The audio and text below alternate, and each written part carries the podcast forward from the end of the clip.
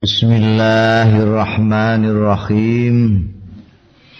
Qala an Usama bin Zaidin Qala ngendika Usama arsalat ngirim utusan sapa ibnatun nabi putrine Kanjeng Nabi sallallahu alaihi wasallam No sing ngendikake iki putrine sing asmane Zainab. Ana sing ngendikake iki Fatimah. Putrine lah pokoknya. Ilaihi marang Kanjeng Rasul. Utusan anak ibnan li setuhune anak li kedue ingsun iku kubido arep kepundut iya ibni ibnan li faktina kulaturi rawuh panjenengan ngrawi ing kita. Dadi ana putrine Kanjeng Nabi kongkonan wong matur ning Kanjeng Nabi supaya Kanjeng Nabi rawuh. Muga putune dalam kondisi sudah akan meninggal. Fa'al salam monggo utusan sapa Kanjeng Rasul yukri ussalam macaake Kanjeng Nabi assalamu ing sembah ing, salam. Bayakulan ngendika Kanjeng Nabi Innalillahi ma'akhadha walahu ma'ata setuhune ku kagungane Gusti Allah ma barang akhoda kang mundut sapa Allah walahu lan iku kagungane Allah ma barang akto kang paring sapa Allah. Wa kulun utai masing-masing indahu ana ngasane Allah iku bi ajalin musamma kelawan titiwanci kang wis ditentokake Fal tasbir mongko supaya sabar ya ibnatun nabi wal tahtasib lan supaya golek ganjaran sing sabar bentuk ganjaran ya ibnatu an nabi. Ketika utusan teko kanjeng nabi dewi wis kono balik salamku ya. Kandake salamku kan kandake nek Gusti Allah iku wong sing kagungan Gusti Allah ya dipundhut mbah diparingke iku ya hake Gusti Allah.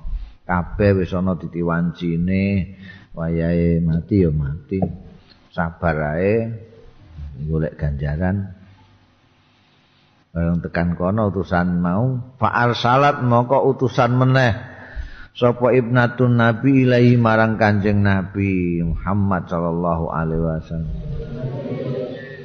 tuksimu sumpah-sumpah sapa ibnatun nabi alai ngatasé kanjeng nabi liya diana supaya rawuh temenan kanjeng nabi ngrawuhi ing ibnatun nabi sumpah. Pokoke sumpah-sumpah banget kepingine dirawuhi kanjeng nabi. Fakoma mongko jumeneng sapa Kanjeng Nabi wa ma'ahu lan iku sartane Kanjeng Nabi Sa'd bin Ubadah utawi Sa'd bin Ubadah tokoh Ansor sahabat besar wa Muadz bin Jabal dan Muadz bin Jabal wa Ubay bin Ka'ab wa Zaid bin Sabit wa Rijalun dan beberapa orang. Farafa ila Rasulillah mongko diangkat ila Rasulillah marang Kanjeng Rasul sallallahu alaihi wasallam sapa asobiyu bocah cilik sing arep kapundhut iki mau? Wa nafasu ta nafas iku takok kok tata kok kok apa jenenge? Gonjal gonjal kaya anu wong nyedat nyendat nyendal nyendal. Kaya wong arep mati ngono nyendal Kala ngendika sapa? Usamah iki rawine ya hasib tu annahu qala. Sing krungu rawi sing saka Usamah. Hasib tu annahu aku nyono anna ustune Usamah bin Zaid iku kala ngendika ka annaha sannun. Kaya-kaya setuhune nafase sing bocah iki mau kaya sannun kaya rantas. Sudah kaya apa jenenge? Kain sing mengkerut. Ayo kain sing mengkerut. Fafadot mongko deleweran apa ainahu? Air matane kedua belah. Netrane kanjeng rasul sallallahu alaihi wasallam kanjeng nabi deleweran roh napas itu kaya tambah lama tambah mengkerut tambah cil tambah cil Kanjeng Nabi itu ilune dheweran saka netra kali. Fakola mongko matur sapa Sa'ad Sa'ad bin Ubadah. Tokoh Ansor iki penggede sahabat yang besar juga. Matur ya Rasulullah duh Kanjeng Rasul mahadza iku napa hadza niki? Niki napa kok ngantek nangis napa niku? Anane jeneng nabi ku gak antuk nangisi kok ana wong iku gel gelo apa piye? Wong iku kagungane Gusti Allah dipundhut mosok gelo kok nangis barang jadi gak ngerti jadi terus iki napa kok nangis barang Kala dawuh sapa Kanjeng Nabi, hadhihi utawi iki iku rahmatun jenenge rahmat. jenenge welas ase ja'alahan dadekake ha ing rahmat sapa Allah fi qulubi ibadihi ing dalem pira-pira atine kawula kawulane Gusti Allah fa inna ma yarhamullah angin pestine melasi sapa Allah min ibadihi saking kawula kawulane Gusti Allah melasi arruhama ing wong-wong sing duweni welas asih. Wongku ana sing duwe welas asih, ana sing ora. Sing duwe welas asih ana hal-hal yang menyedihkan ya langsung deleweran air mata wong pancene wateke kaya apa meneh Kanjeng Rasul sallallahu alaihi wasallam sing dijuluki Nabiur Rahmah nabi yang welas asih gak tahan iku otomatis air matanya. Nah, Gusti Kanjeng Rasul ana sing apa jenenge ngritik kaya iku mau saat bin Ubadah kandan. Iku mono ora kok ngelani. Ora trima pepestane Gusti Allah ngono ora. Iku sing jenenge welas asih. iku peparinge Gusti Allah sing ana ning gone atine kawula-kawulane. Engko sing dirahmati Gusti Allah sing diwelasasi karo Gusti Allah ya wong-wong sing welasan ngono kuwi. Ngono wong sing gak diwelasasi karo wong kejemera karuan ngono iku aja mengharap-harapkan dapat belas kasihane Allah. Ansa murad Sangking sahabat Samurah bin Jundub kala ngendika Samurah kana ana sapa nabi Kanjeng Nabi sallallahu alaihi wasallam. Ida salat tatkalane wa salat Kanjeng Nabi salatan ing sembayang akbala moko madhep Kanjeng Nabi alaina ing atase kita. Di Kanjeng Nabi bareng imami ngono iku terus madhep ning jamaah sing makmum sahabat. biwaji kelawan wedanane Kanjeng Rasul. Fayaqulu mongko ngendika Kanjeng Rasul, hal ro'a ana ningali weruh mingkum saking sira kabeh sapa akadun wong suwiji alailata iki bengi ru'yan ing impen ana sing ngipi apa dik bengi. Bar salat subuh ngono iku terus ndangu karo sahabat-sahabate. Sapa di antara kalian yang malam malam tadi ngimpi? Kala ngendika sapa samura fa in ra'a mongko lamun weruh sapa akadun wong suwiji ru'yan ing impen kosoha mongko nyritakno ya akad ha ing ru'ya. Kula dalu ngipi ngaten-ngaten Kanjeng Nabi. Payu fayakulu mongko ngendika sapa Kanjeng Rasul. Masyaallah ngomentari apa impene wong-wong iku masyaallah fasa'alna yauman. Fasa'alana. Fasa'alana mongko ndangu. Iku kebiasaane Kanjeng Nabi. Nek salat subuh madhep ning gone jamaah terus ndangu sapa sing ngimpi bengi iki ngimpi apa critake Fasa'alana mongko ndangu sapa Kanjeng Rasul nak ing kita yauman suatu hari. Pakola mau ngendika Kanjeng Nabi Hal ro'a minkum akhada Hal ro'a minkum monoto ningali? Minkum sayang siro kabeh Sopo akhadun wong suwici Al-lailata bengiki ro'yan ing impen. Seperti biasanya suatu hari kanjeng Nabi ndangu Apa ono sing ngimpi di antara kamu? Polna matur kita semua kebenaran gak ono sing ngimpi. La mboten kanjeng Nabi. Pola dawuh sapa kanjeng Nabi Lakin ni roa itu angin pustine ingsun niku supena sapa ingsun alailat ing bengi iki. Aku mimpi bengi iki, aku ningali rajule ini ana wong lanang loro atayani nekani wong lanang loro marang ingsun, nekani sapa wong lanang loro ing ingsun. Fa akhadha mongko ngalap ya rajule ini biadi kelawan asta ingsun fa akhrajani mongko ngetokno sapa rajulaini ing ingsun ilal ardil muqaddasati maring tanah sing suci. Aku ditarik digawa ning bumi muqaddasah.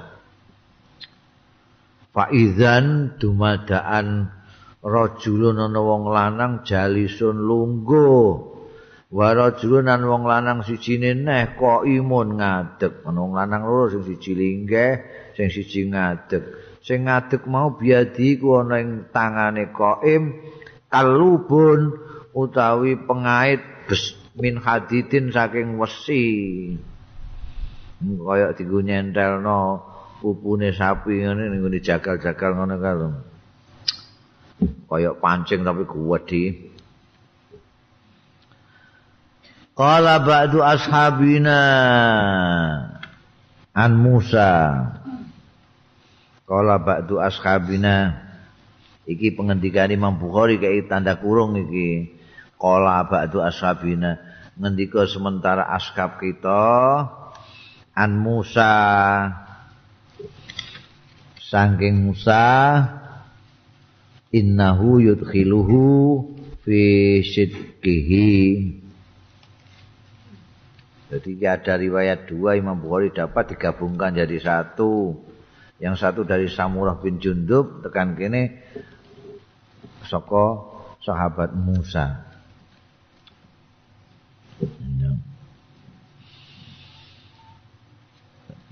Dawe Musa iku innahu yudkhiluhu ustune qaim wong sing ngadeg mau iku yudkhiluhu nglebokno sapa apa jenenge? Qaim mau hu ing kalub eh oh, pengaite wesi ku mau dilebokno fi sidqihi ing dalem. Sidqi ku ene kene ane oh ana sing kandha uang ana sing kandha iki maknane iku. Apa? Sudut mulut ini sudut mulute wong sing linggih Sidki iku sing qaid apa sing jalis iku mau. Dilebokno hatta ya bluwa sehingga sampai iya kalub mau kofahu ning jitoke kok jalis. Oh. Sing ngadeg mau nglebokno kait pesi mau dilebokno ning sidki ngantek tekan jitok. Oh. Sumayaf'al mongko keri-keri nindakake sapa qaim bisidkihi kelawan sudut mulute jalis al akhari sing liyane sing mau tengen saiki kiwa dileboni kait juga. Misla dalika kaya umpamane sing dhisik mau. Kene dicangap ngantek tekan jitok kene ya dicangap ngantek tekan jitok Bayal taim lan gantet apa sitkuhu apa? Ini ngantek. Dadi siji ku sudut kene mek sudut kene ngantek tekan jitok iki ditarik ngantek tekan jitok.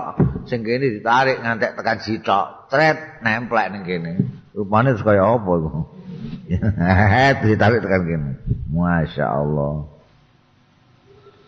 ditarik ngono iku. Hadza fayaudu fayadu mithlahu kaya ngono kuwi mau paya udu mongko bali meneh paya do mongko nyelehake sapa koe mislau ing sepadane dalik tuwarik rene jret nek wis dadi siji kan kene culno neh tuwarik neh tuangap pret ngono dinggo dolanan. Hmm. Kultu ndika sapa ingsun Kanjeng Nabi matur mahaza iku apa haza utaiki? Niku napa? Wonten tiyang dikoten-kotenake ngene Ola ngendika sapa rajulain wong loro sing ngejak aku mau jawab usah intolik budalan sampean monggo berangkat. Patolakna monggo budalan kita hatta ataina terusno perjalanan. Hatta ataina sehingga nekani kita ala rajulin ing atase wong lanang mutajiin sing turunan ala kofahu ing atase jitoke rajul berarti mlumah. Ning kono roh wong lanang mlumah. Wara julun lan wong lanang sitoke neh kok imun ngadeg ala roksihi? Ana ing nggon arah sirahe sing mutajik mau rajulun sing mutajik. Kok imun ala roksihi? Bifihrin kelawan nggawa watu sak gegem. Fihrin iku watu sak gegem. Au sakhratin au sakun minar rawi rawine ragu-ragu apa sak gegem apa sokhroh nek sokhroh gwedhi watu kali watu kemloso sing gwedhi ngono kae. Nek sokhroh ragu-ragu apa fihrin apa sokhroh pokoke watu. Fayas dahu biha mongko ngepruk sapa qaim. Biha kelawan sokhroh utawa fihrin mau roksu roksahu ing sirae rajulun muttaji turun ngono kuwapok plok eh fa idza darabahu tadah dahal hajar. Nalikane nguantemno sapa qaim hu ing rajulun muttaji tadah daha tadah mongko glundung apa al hajaru watune. Nguantemno sirah pluk glundung glundung glundung glundung. Pantalaka mongko udalan sapa qaim ilahi marang hajar liyak khudahu supaya ngalap sapa qaim hu ing hajar. Dadi bar diantemno glundung watune ditututi karo sing ngantem iki mau dijikuk. Fala yarji'u mongko ora bali sapa qaim. Ila hadza maring iki wong sing mutajik iki mau rajul sing turun hatta yaltai maraksu sehingga wis balik gandet apa raksuhu sirahe. Mau diwantem pecah cret. Watune glundung dicikuk ambek sing ngantem terus dibalik neh ning gone wong sing turun mau sirahe wis balik meneh. Mau koyo pecah kok saiki balik meneh wa adalan bali apa raksu sirahe rajulun mutajik mau kama huwa. Kama kaya barang huwa kang utawi asale faada ilaihi mongko bali sapa qaim ilaihi malang rajul mutajik padara bau mongko ngantem meneh sapa qaim hu ing rajul mutajik. Wantem meneh duel wacah sirahe watune mencelat ditututi balik meneh wis utuh neh sirahe wantem meneh pruk. Waneh temen terus kultu ndika sapa ingsun? Ini Kanjeng Rasul man hadza? Niku sapa? Hadani iki si sinten kok dikeprok balikne keprok balikne Kala jawabi sapa rajulen sing ngejak Kanjeng Nabi mau intolik pun monggo budalan sik budalan sampean pantalakna monggo budalan kita bertiga ila sakbin ning gone lubang. Wonten lo ana lubang ning kono. Dijak mara ning lubang minat tanur saking tanur. Tanur iku kaya angklo ngono nggo sing dienggo gawe roti ngono tanur. Iku bolong. Aklahu dure tanur iku dayikun ciut. Wa aspalu ta ing ngisore iku wasiu nombo di menciut ngono mendhuwur iku. Ngisore ombo dhuwure ciut ana bolongane. Ngono ana wong ya tawaqqatu tahtahunar terus apa menyala-nyala tahtahu. Menyala-nyala ya sakbun iku mau tahtahu ana ing ngisore tanur naron ing geni ana geni bulat-bulat. Wa idza taroba mongko lamun parek irtafa'u. Nalikane parek marek ning bolongan mau bolongan parek irtafa'u. Mongko mumbul ya wong-wong sing ning gone bolongan dadi ngisore beni. Iku ora wis genine nyedaki ning gone wonge munggah. Kata kadu ayah ruju sehingga meh-meh sapa wong-wong sing ning jero tanur mau ayah ruju ento metu. Untuk-untuk-untuk ning bolongan niku. Wa idza khamidat khamadat kalane mati genine rojau. Balik meneh sapa wong-wong sing ning jero mau fiha ing dalem iku mau apa? Kok fiha ya? Fiha iku ning dalem nar geni mudun. Maksude tanur iki mau. Di kaya godhokan anu no kaya eh, dinggo angklo kaya angklo gedhe dhuwur. Kene ana wonge kene ana bolongane nek genine bulat-bulat wonge mumbul sing digodhog mumbul engko nek mati lek genine balik meneh. Iku wong-wong sing ngono iku mau lanang ta wedok. Wa fiha lan iku ing dalem tanur mauri jalun wani saun. Lanang-lanang ya ana wedok ya ana lanang-lanang wedok uratun udah-udah kabeh. Fakultu mau ngendika sapa ingsun? Mahadza niku napa hadza niki Ola, oh, gak tau jawab-jawab iki sing ngejak aku. Ola ngendika sapa wong loro mau rajulen. Alah monggo intolik budalan sampean. Mangke riyen berangkat mau sik terusake perjalanan. Fantolakna monggo berangkat sapa kita hatta ataina kita bertiga hatta ataina sehingga nekani kita ala nahrin min damin ing atase bengawan tapi mindamin saka darah. Iki ana kali kok abang geteh ini yo gak banyak tapi geteh. Fihi ku tetep ing dalem nahar rajulun utahe wong lanang kok imun sing ngadeg ala wasatin nahri ing atase tengahe bengawan. Ning tengah bengawan ana wong lanang ngadeg bengawan darah iki mau Kala Yazid bin Harun. Kayak kurung nah iki. Ya. Anak riwayat meneh berarti. Jadi digandeng no riwayat-riwayat beberapa riwayat digandeng no kayak kurung melani Dawi Imam Bukhari. Kala Yazid bin Harun ngendika sapa Yazid bin Harun wa Wahb bin Jaririn lan Wahb bin Jarir an Jarir ibn Khazim. Kurung tutup titik loro. Diteruse tapi dari riwayat orang lain. Teruse cerita mau. Wa ala satin nahri rajulun. Lan iku ing atase pinggire bengawan. Rajulun ana wong lanang ne rajulun utawi wong lanang baina yadai ana ing ngarepe wong lanang mau hijaratun utawi watu. Dadi ning tengah bengawan darah mau ana wong lanang sing ngadeg ning pinggir kali ning pinggir bengawan ana wong lanang ngarepe ana watune.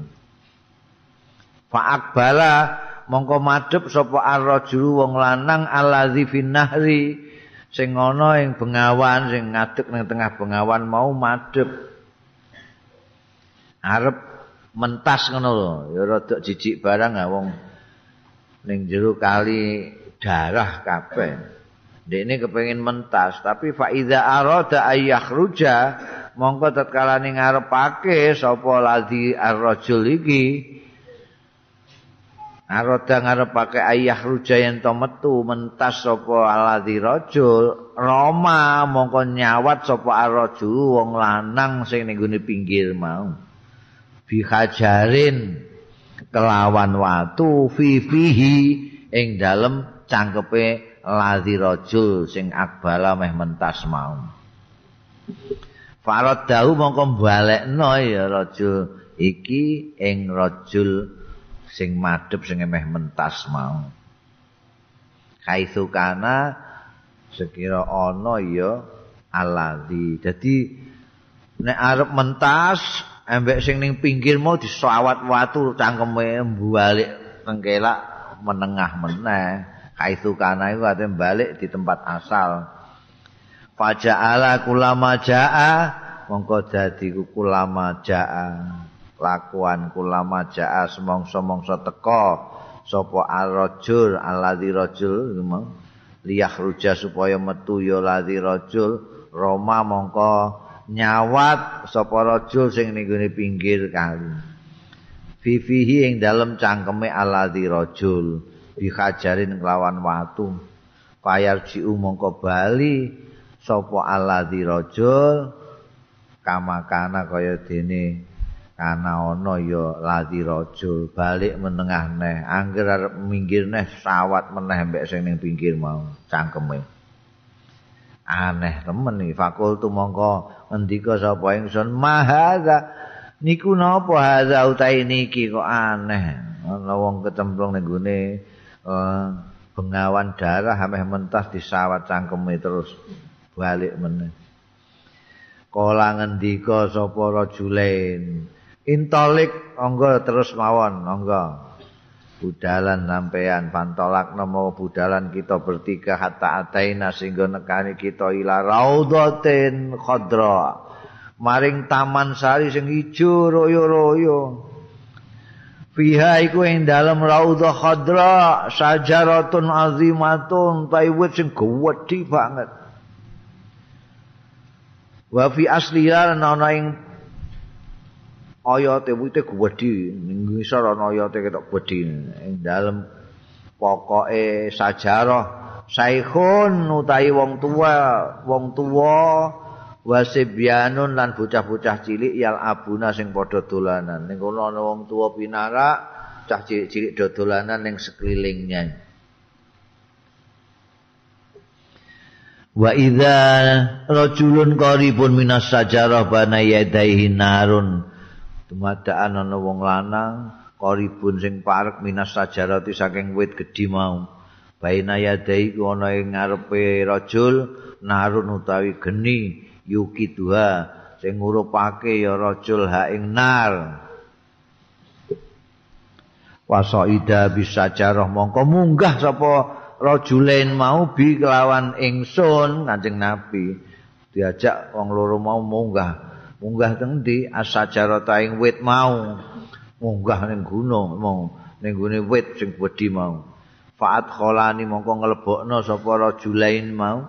Ing ingsun nglebokno daron ing omah. Ing dhuwur wit-witan ana omah. Lam ara qatu ora tau roh qatu babar pisan aku. La alam ara ora tau mirsani sapa ingsun qatu babar pisan ahsana ingkang luwih bagus min hati nimbangane daron iki Gedhe-gedhe kono omah ning dhuwur wit iku. Oh, apike ra karon gak tau tumono omah apike ngono. Fiha iku tetep ing dalem dar rijalun tae wong lanang-lanang suyuhun sing wis sepuh-sepuh. Wah, oh, penghunine kok tuwa-tuwa. Wasyababun lancah nom-nom. Wanisaun lan wong wedok-wedok. Wasibyanun lan bocah-bocah cilik. Ya ana sing tuwa-tuwa, ana sing nisih nom-nom, ana wong wedok-wedok, ana bocah-bocah cilik. Isine dar meseng apik mau. Suma akhrajani mongko ngetokno ya wong loro mau rajulain ni ing ingsun minha saking dar. Bar delok jerone ana wong tuwa cah nom wong wedok cah cilik dijak metune aku. Fasaida bi mongko munggah. Fasaida mongko munggah ya rajulain. Bi kelawan gawa ingsun. Diujak munggah asajarata ing wit-witan mau. Terus munggah terus. Fa'at kholani mongko nglebokno sapa rajulaini ing ingsun. Daron ing omah. Ya kang utawi dar. Iku ahsanul luweh bagus. Wa afdalu lan luweh luweh utama minha tinimbangane dar sing pertama. Iki luweh indah meneh fiha iku tetep ing dalem dar sing iki. Suyukhun utawi wong tuwa-tuwa wa syababun lan cah nom-nom. Fakultu mongko ndika sapa ingsun?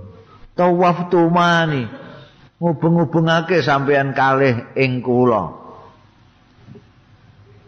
sampean tiang kalih niki ngubung-ubungake kula alailata suwengi suwengi niki dalu niki ing dalem bengi niki ajeng janji takok sampean ken terus janji takok sampean ajeng terus fa akhbirani Saniki sampean ngabari tiang kalih ni ing kula amma tentang barang roa itu kang mirsani kula. Sing kula tingali sampean critakake sedaya. Niku ana wong dikepuki sirahe barang niku wong. Kala ngendika sapa rajulain sing gawa Kanjeng Nabi mau. Naam. Nggih, nggih, nggih. Kula kula kandhani sakniki. Amal ladzi ra'aitahu ana dene alladzi ra'aitahu sing sampean tingali ya ladzi ya suku sing nyuwek ya ladzi sit sitqahu ing ujung cangkeme kancane niku wau fakadzab fakadzabun niku tiang pembohong gawene ngapusi wong. Yuhadisu cerita tiang sing dicangap ngantekan tekan jidok niku wau. Bil kizbati kelawan kegorowan patuh malu anhu mongko digawa apa kizba anhu saking kiambake tiang sing dicangap niku wau.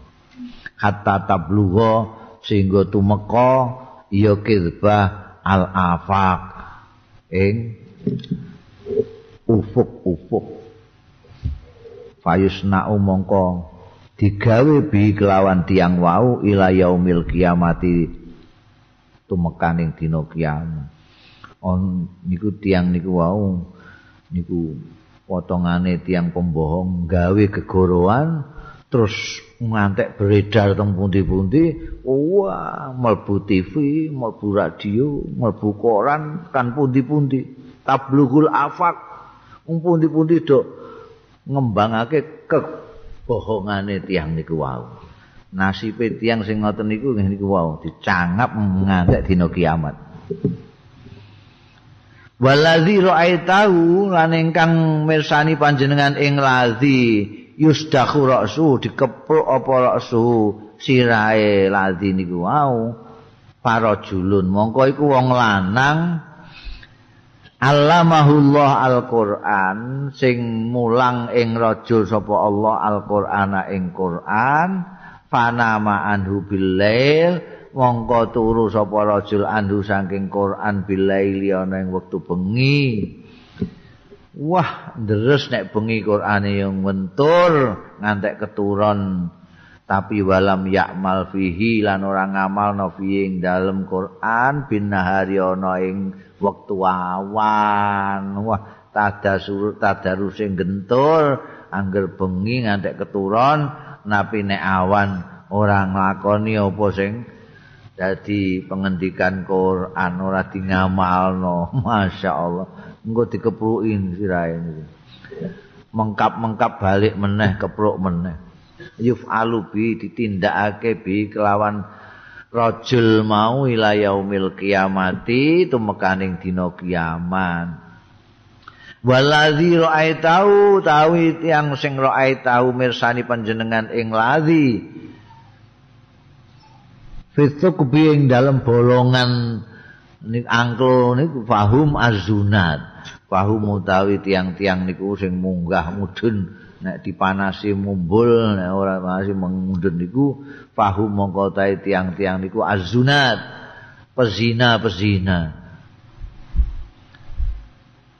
waladzi ra'aitahu fin nahri utahe tiang sing mirsani panjenengan ing ladzi fin nahri ing dalem bengawan darah niku wau. Fa'akul riba. Tiang-tiang sing sami do mangan riba. Wasaikhu fi asli sajarah. Utawi tiang sepuh sing pinarak tengene pokoke wit gedhi niku Ibrahim Nabi Ibrahim wasibyanu utawi bocah-bocah cilik-cilik sing dolanan khaulahu ana ing kiwa tengene Nabi Ibrahim syekh niku wau fa'auladun nas mongko iku putra-putrane wong-wong wong-wong sing putra-putrane kapundhut waktu cilik iku. Waladzi yuqidunnar tiyang sing sampean tingali ngurupake geni bahwa mongko utahi ladzi iku malikun namine malaikat malik niku khazinun nar penjaga neraka. Wadarul ula utawi griya sing pertama jenengan mlebet niku wau alati dakhalta ingkang mlebet panjenengan iku al jannatu swarga daru ammatil mukminin panggenane perkampungane umume tiang-tiang mukmin. Wa amma hadzidar ana dene menika griya sing niki yang kedua pada harus suhada sing luwih bagus niki lan luwih afdol niki iku darus syuhada. Niku panggenanipun tiang-tiang ingkang syahid wa ana kula niki jibrilu malaikat jibril. Wa hadza setunggal malih niki kanca niki mikailu malaikat mikail. Falfa ra'sak. Mongko kula aturi ndangakaken panjenengan ra'saka ing mustaka jenengan anjing nabi. Farafa'tu ra'si mongko ngangkat sapa ingsun ra'si ing sirah ingsun. Fa idzan fauki mongko dubadaan ana ing dhuwurku. Mislu sahab utawi sepadane mendung. Wah kaya mendung. Kala dawuh sapa jibril lan mikael zalika manziluka. Tai nika niku manziluka dalem jenengan. Fakultu aku terus ngendika niku nika dhuwur niku. Sing dhuwur neh. Iki mau nggone suada munggah nika. Mungkin sampean kaya mendung nika. Fakultu mongko ngendika sapa ingsun? Daani daani. Ngumbarno sampean kekalih ni ing ingsun adkhulu kula tak adkhul tak mlebet kula manzili ing griya kula. Nek niku griya kula sampean jarake kula tak munggah. Kala ngendika malaikat jibril mek mikael innahu bagialaka umrun. Naustune kelakuan bagian iku tesih tersisa laka kanggungane jenengan apa umrun umur. Ini umur jenengan tesih wonten iki dereng wayahe. Lam tas takmilhu dereng nyempurnaaken panjenengan hu ing umur panjenengan. Jenengan terus sisa-sisa umur teng donya dereng wayahe. Falawis takmal tahu menawi sampun nyempurnakaken panjenengan ing umur ataita mongko saged ngrawuhi panjenengan manzilaka ing dalem jenengan. Mangke menawi sampun nyempurnakaken umur jenengan. Kanjeng Nabi Wasedo kok iso munggah rono karepe jadi impen tapi ya sadika impen tenanan. Wong Kanjeng Nabi sing ngimpi wong malaikat tenan. Pancen Kanjeng Nabi Muhammad sallallahu alaihi wasallam antara lain mendapat wahyu itu melalui ru'yas sadika seperti itu. An Ibni Mas'udin saking Abdullah bin Mas'ud radhiyallahu anhu kala ngendika sapa Mas'ud Sami tu mireng sapa ingsun an nabi ing Kanjeng Nabi sallallahu alaihi wasallam. Tak pireng yakulu ingkang ngendika Kanjeng Nabi la hasada illa fisnatain. Ora ana meri ku maujud illa fisnatain ing kejaba ing dalem wong loro, dalem dua. Bangsa ana wong sugih barang ya ora meri. Ora pantes diereni. Sing pantes diereni mok loro tok. Rajulun atahullah malan wong lanang atahu kang maringi ing rajul sapa Allah Gusti Allah malan ing bondo fasallatahu mongko nguasaake sapa Allah ing rajul ala hal kadhiye ngatasé matine rajul fil haqqi ing dalam kebenaran. Wong diparingi bondo karo Gusti Allah taala digunakno untuk berjuang ngantek entek ndekne dhewe ngantek bal. Iki wong sing kaya ngene iki perlu meri. Kei harta ditasarupno untuk kepentingan perjuangan sampai entek. Iku nomor siji. Waro julin lan wong lanang atahullahul hikmatan maringi ing raja sapa Allah hikmatan ing hikmah. Kepandaian kebijaksanaan bahwa mongko utahe rajul iku yakdi mutusi ya rajul biya kelawan hikmah. Wa yu'allimuhan nas lan mulang sapa rajul ha ing hikmah annasa ing manusa. Orang diberi kemampuan diberi ilmu diberi kebijaksanaan digunakan itu untuk memutuskan sesuatu dan diulangke karo wong. Ya dua orang inilah yang perlu meri nek pancen meri kudu meri. Meri dalam pengertian positif. An Abi Hurairah ta anna Rasulullah sallallahu alaihi wasallam kala ngendika sapa Kanjeng Rasul kala rajulun ana wong biyen ngene Bani Israel iku rajulun niku ngucap sapa rajulun la atasaddaqanna yekti arep sedekah temenan sapa ingsun bisa dokotin kelawan sedekah. Ana wong muni aku arep sedekah tenan. Fakharaja mongko metu sapa rajul bisa gerakotihi kelawan sedekahe rajul fafadoa fawadoa mongko nyelehake sapa rajul ing sedekae sedekati biya disarikin ning dalem tangane wong sing nyolong maling. Fa asbahu mongko isu-isuan sapa wong-wong ya tahaddasuna do ngrasani do ngrembug ya wong-wong tusudika disedekahi apa alasarike ning atase maling ana wong sugih sedekah diniati arep sedekah metu golek wong sing disedekahi dikekno wong wonge kari-kari maling. Wong rame ngrembug. Iku ana wong sedekah maling kok disedekahi. Faqala monggo. Ngendi monggo. Ngucap ya maca sapa rajulun mau sing sedekah Allahumma lakal hamdu Eh jebule sing tak gawe iku maling. Gak ngerti bareng diramekno mbek wong-wong iku mau lah gak ngerti sing disedekahi kuwi maling. Bareng ngerti nek iku maling, wong sugih iki mau terus matur ning Gusti Allah Allahumma duh Gusti lakal hamdu niku kagungane panjenengan piyambak alhamdu ta'i sekae puji la atas sedakona yakti bagi sedekah menan kula bisa dakotin kelawan sedekah malih kula. Kula ajeng sedekah malih. Niku wingi kena wong maling. Fakharaja mongko metu sapa rajul mau bisa dakoti kelawan sedekahe rajul. Fawadha'a mongko nyelehno sapa rajul ha ing sedekahe mau.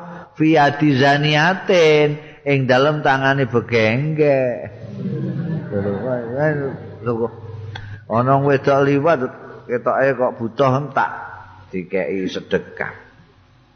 Fa asbaku mongko isu-isuan sapa wong-wong ya tahaddasuna dong gosipno ngrembug ya wong-wong mau. Tusut dika disedekahi alailatan bengi iki apa ala zaniaten atase wong sing zina. Wah begengke untuk sedekah. Pakola monggo ndika sapa rajul mau bareng ramekno Allahumma lakal hamdu.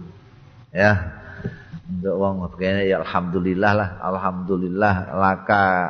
Iku kagungane panjenengan Gusti alhamdulillah puji. La atasaddaqanna kula ajeng sedekah malih. Yakti sedekah kula bisa dakoten kelawan sedekah. Fakharaja mongko metu sapa wong mau bisa dakoti kelawan sedekah rajul. Fawadha'a mongko nyelehake sapa rajul ha ing sedekatihi fiyadi ghaniyin ing dalem tangane wong sugih. Wong sugih. Lha wong sugih pakaiane nglomprot rumangsane wong melarat disedekahi. Was baku monggo isu-isuan sapa wong-wong ya tahaddasuna padha ngrembug ya wong-wong. Tusud dika ala ghaniyin disedekahi apa ala ghaniyin wong sugih disedekahi.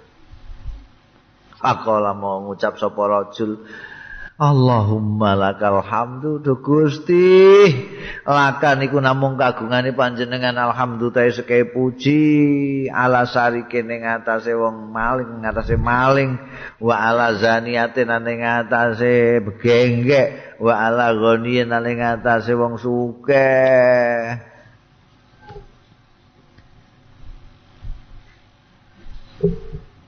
Pak Utia mongko ditekani sapa rajul mau. Malaikat sing nekani pakila mongko dingendikake lau marang rajul. Amma sedekatuka utawi sedekahmu ala sarikin ing atase maling wingi kae fala Allahu.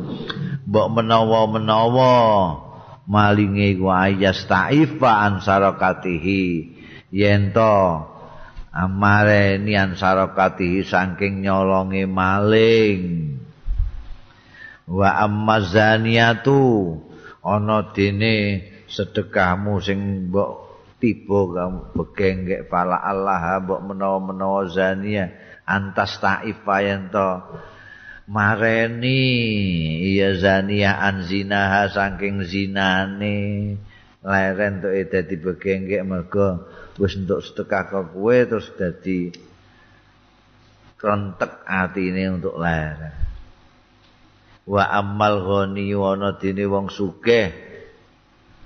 Pala Allahu mbok menawa-menawa ghani ku ayak tabira yen to ngambil pelajaran iku wong iku sugih aku kok nguweki aku aku dhewe wong sugih ngene ra tau aweh.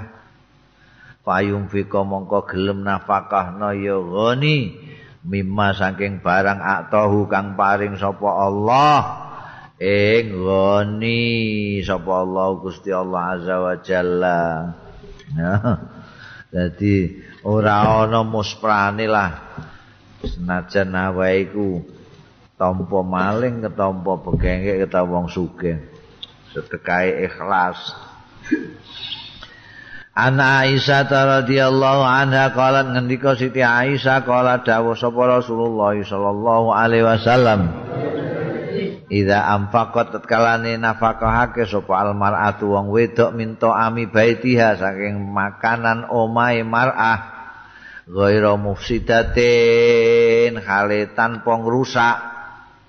Tanpa ngrusak iki ya wajar-wajar sajalah makanan yang diberikan itu apa saja itu wajar. Kana laha mongko laha iku keduwe mar'ah. Ajruha utai ganjarane mar'ah bima ampakot barang ampakot kang nafakohake ya mar'ah. Kadang-kadang ning omah iku senajan sing belanjani sing lanang.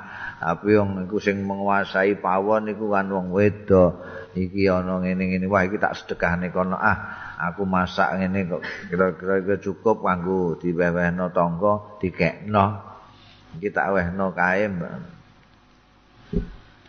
iku ndekne entuk ganjaran wali zaujiha ajruhu. Lan iku keduwe bojone imro'ah ajruhu tai ganjarane zaujiha bima kasaba sebab barang sing ambut gawe ya zau ndekne sing apa jenenge belanjan kan ndek sing tuku ngeki dhuwit sing wedok tuku macam-macam sing wedok itu nafkahke masakan-masakane sing lanang melok untuk ganjaran juga. Wong loro untuk ganjaran kabeh pendek kata.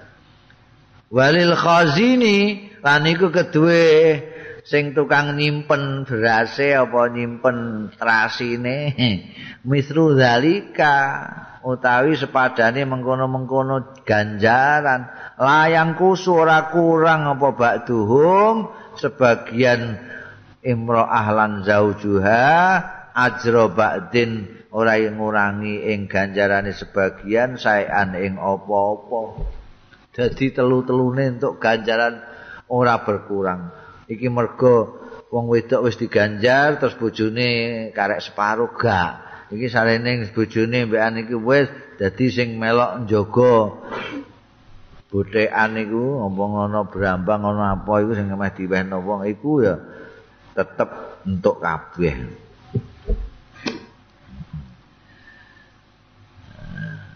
Jadi Gusti Allah iku lomane ngono untuk kabeh ganjaran. Al Bukhari kala utai Imam Bukhari ku kala ngendika Imam Bukhari kala Rasulullah dawuh sapa Kanjeng Rasul sallallahu alaihi wasallam.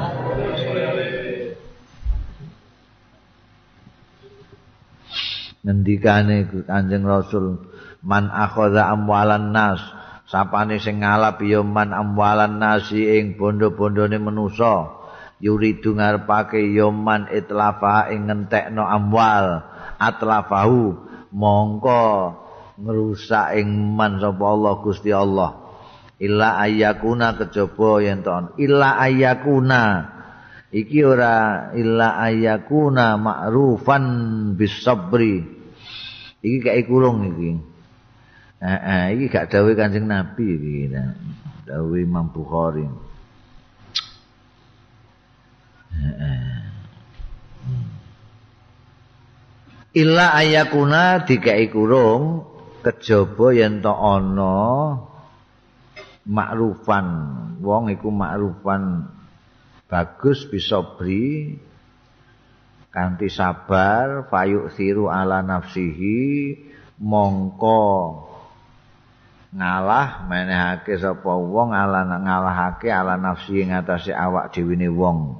Walau kana senajan ana bihi kelawan wong apa khososatun keperluan yang sangat.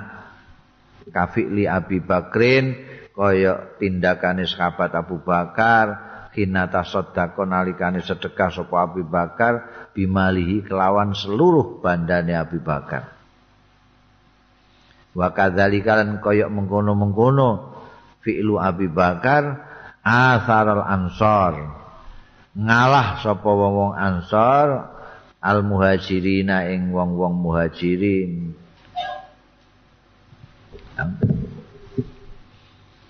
Dadi ana wong iku sing mbah hutang sing mbah njaluk tapi tujuane nggo mok ngentekno bondo kuwi. Iki ilaka wong ngono kuwi. Ana la sing ngutangi ya salahe nek gelem ngutangi kok ngutangi. Wong sing jelas meh mok dintekno tok. Ora dinggo keperluan sing bermanfaat. Ana sing njaluk dikeki padahal sing njaluk iku mau meh dintekno dhuwite ora arep dinggo sing manfaat. Oh nggo dinggo foya-foya. Ana wong sing mestine apa jenenge ndikne dhewe butuh tapi kok dikekno wong iku jenenge ngentek-ngentekno bondo juga. Iki piye ini ana dawuh nek wong kuwi butuh kanggo awake dhewe ora cukup ya aja diwekno wong. Aja diwekno wong mung ndekne dhewe jeh butuh kok dikekno wong kok ndekne terus piye jae? Kecuali ma'rufan illa ayyakuna ma'rufan memang dia ingin berbuat baik. Dia sendiri butuh tapi dia bisa bersabar. Dia memilih memberikan kepada orang lain ngalahkan dirinya sendiri karena dia mau berbuat ma'ruf seperti yang dilakukan oleh sahabat Abu Bakar Siddiq. Abu Bakar Siddiq itu seluruh kekayaannya disedekahkan. Seluruh kekayaannya dinafkahkan kepada jalan Allah taala. Beliau sendiri nalika ditanggung Kanjeng Nabi lah kanggo kowe apa Abu Bakar? Kula pun rembukan kalih keluarga kula, kalih bojo kula, kula lan keluarga kula cekap gadah jenengan kalih Allah taala. Kabeh diserah. Iku jarakan ora kok mampin itlaful mal ora kok membuang-buang harta malah jadi golek ganjaran koyok sahabat ansor terhadap muhajirin. Nalika muhajirin orang-orang dari Mekah datang ke Medina itu kan gak nggawa apa-apa yo duwe tapi ning Mekah kono.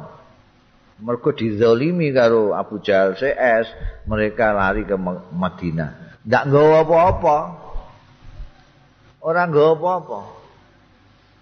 Tokone ditinggal, kebun ditinggal, segala macam ditinggal. Nggawa sak cukupe.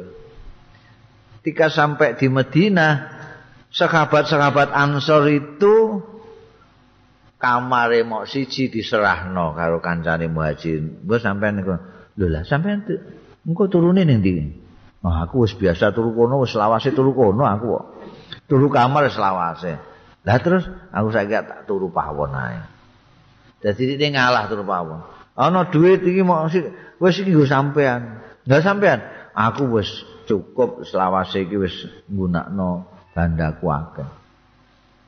Iku begitu, iku namanya isar. Isar. Isar itu ngalah untuk kepentingan saudara. Nalika iku itu menjadi budaya isar itu. Jadi balapan untuk berbaik hati kepada orang lain meskipun dirinya sendiri membutuhkan. Nah, istilahnya walau kana bi khososah. Ini perlu tapi dikasihkan orang. Eh, Siti Aisyah tahu kagungan kurma mok pirang izin. Terus Arab didahar ana sing njaluk diparingno gak situ wis. Mergo didelok kok sing njaluk iku nggendong anak ya wis iki pek kabeh nggo ambek anakmu. Itu kebiasaan. Sampai ana kedadian kedadian yang sing koyok dongeng nek diceritakno saiki. Mergo saiki ora ana wong kok mikirno wong liya iku. Mikirno awake dhewe ae. Enggak ana sing ngantek isal begitu ndak ada di dalam peperangan iki ana sing sekarat nyaris mati beberapa ngeluwe air air air. Kabeh do haus. Ana banyu mok sithik. Mok sak tegukan. Terus dikasihkan sing muni air air iki nalika ditampani ameh diombe didelok kancane kono aja kaya megap-megap juga. Wehno kono ae wehno kancaku kuwi ae. Iku sajakane kok luweh butuh. Diuncalno rono. Kono roh kono ya menggah megap-megap kekno kono ae iku dulurku kae luwih butuhake terus mubeng barang tekan kene wis mati kabeh karena ingin apa mengalah dengan yang lain nah itu ndak apa-apa. Jadi orang sing dimaksudno wong sing ora kaya Abu Bakar ora kaya sahabat Ansor sing sedemikian mulia hatinya nek sak wong saiki ngono sedekah kakean sithik engko ya gelone wah dik mojane separuh tok ae. Saiki agak dirokok ngene iki piye? Ngono ya kongkon berbuat seperti mereka tak kuat lah untuk orang-orang sing gak kuat-kuat ngono iku ya ya wis dicukupin dhisik kepentingane dhewe kepentingane keluarga baru sedekah. Ngono. Ojo ngantek engko ndekne saking nafsu bersedekah kepengin berbuat baik kepada orang dia sendiri tidak mampu akhirnya terus ndekne bodoni wong liya. Bodoni wong liya kanggo sedekah iki tambah kacau meneh. Akeh ngono iku kedadian. Mergo ndekne kepengin nulung wong, tapi ndekne dhewe durung nulungi awake dhewe. Akhirnya terus ndekne ngapusi wong liya kanggo nulung wong. Korupsi dinggo sedekah. Korupsi dengan sedekah itu piye? nek ora kuat kaya sekabat Abu Bakar kaya sekabat Ansor ya wajar saja. Ambut gawe cukupane diri sendiri dulu keluargane terus turane di sedekahke. An Abi Burdata an Abi saking ramane Abi Burda anan Nabi astune Kanjeng Nabi sallallahu alaihi wasallam. Ola ngendika apa Kanjeng Nabi ala kulli muslimin sedekahton Iku wajib ing atase setiap orang Islam sedekahton utawi sedekah. Ngaku wong Islam kok gak tau sedekah iku piye? Sedekah.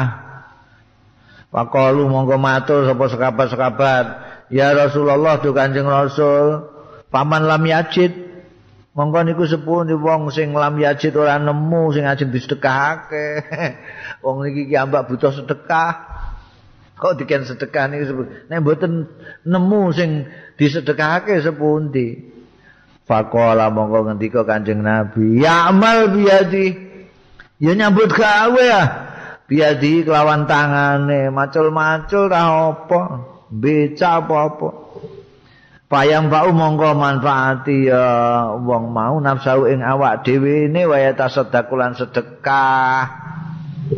Ambut gawe bentuk peng, penghasilan dinggo sedekah ngono nek gak duwe. Kalu matur sapa sekabat-sekabat. Pak ilam yajid nek mboten nemu sapa kul muslim. Sing golek penggawean ning kantor andi jasa eme garap sawah gak di sawah. Jeng buka warung mboten gadah modal. Ngaten iki sepundi sing mboten saged mboten gadah napa-napa ya?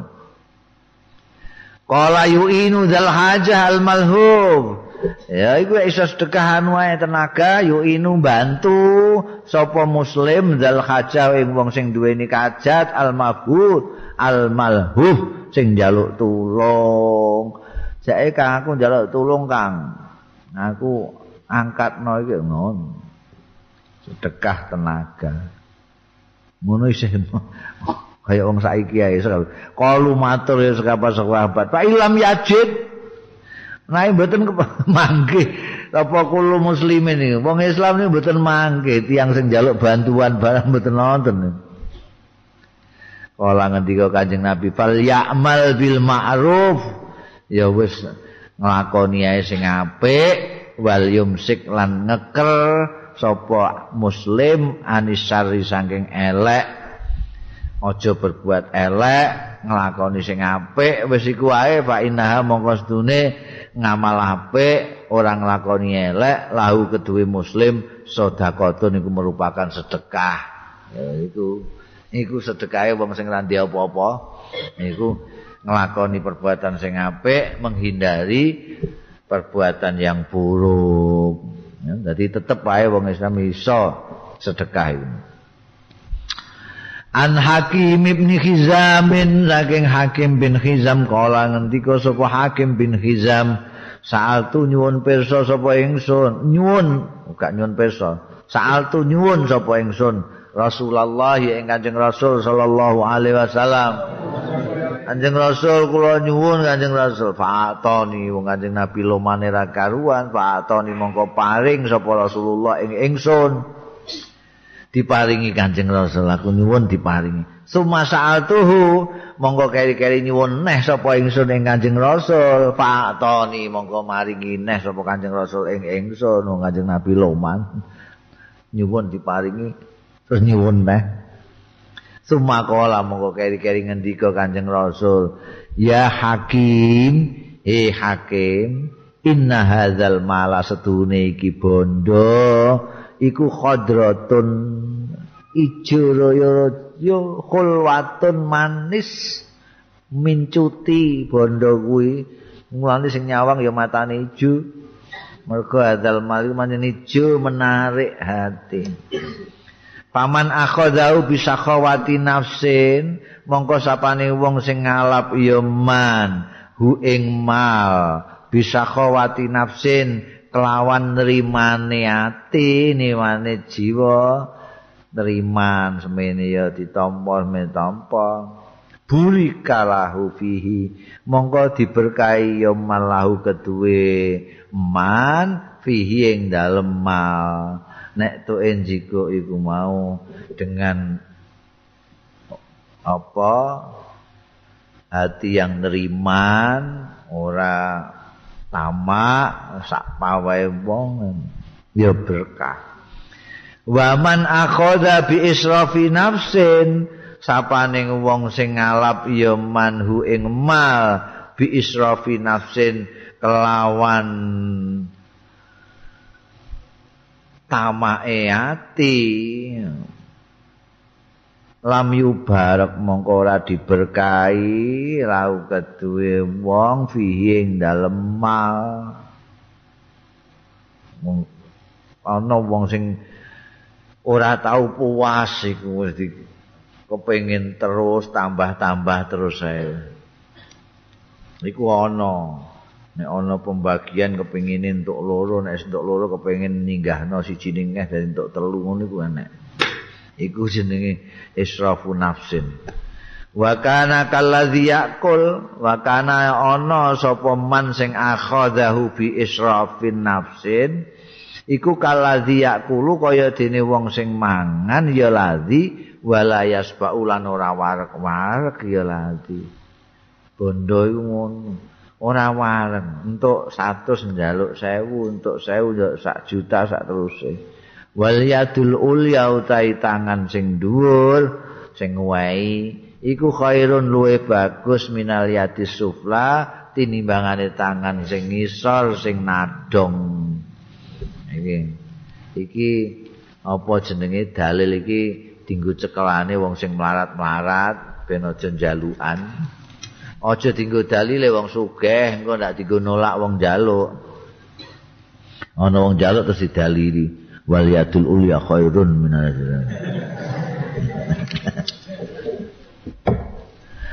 An Abdullah bin Umar kala ngendika Abdullah bin Umar kala dawuh sapa Rasulullah sallallahu alaihi wasallam Maya zalu ralu berlepas sapa rajul wong lanang yasalun jaluk ya rajul annasa ing wong-wong hatta yakti sehingga nekani ya rajul yaumal kiamat ana ing dina kiamat laisa ora ana fi wajing dalam raine rajul.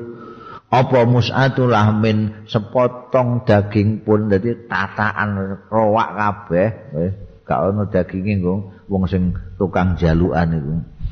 Senengane jaluk wong terus iku engko nek dina kiamat kaya tetekan lainnya ora ana daginge deni wong An Abdullah bin Abbas Sang Abdullah bin Abbas ana imro'atan. Setuhune wong wedok iku kolat matur sapa imro'ah. Matur niku Kanjeng Rasul ya Rasulullah do Kanjeng Rasulullah inna faridatallahi setuhune kefarduane Gusti Allah ala ibadi ing atase kawula-kawulane Gusti Allah fil haji dalam haji. Iku adrokat metuki ya faridah. Metuki abi ing bapak kula.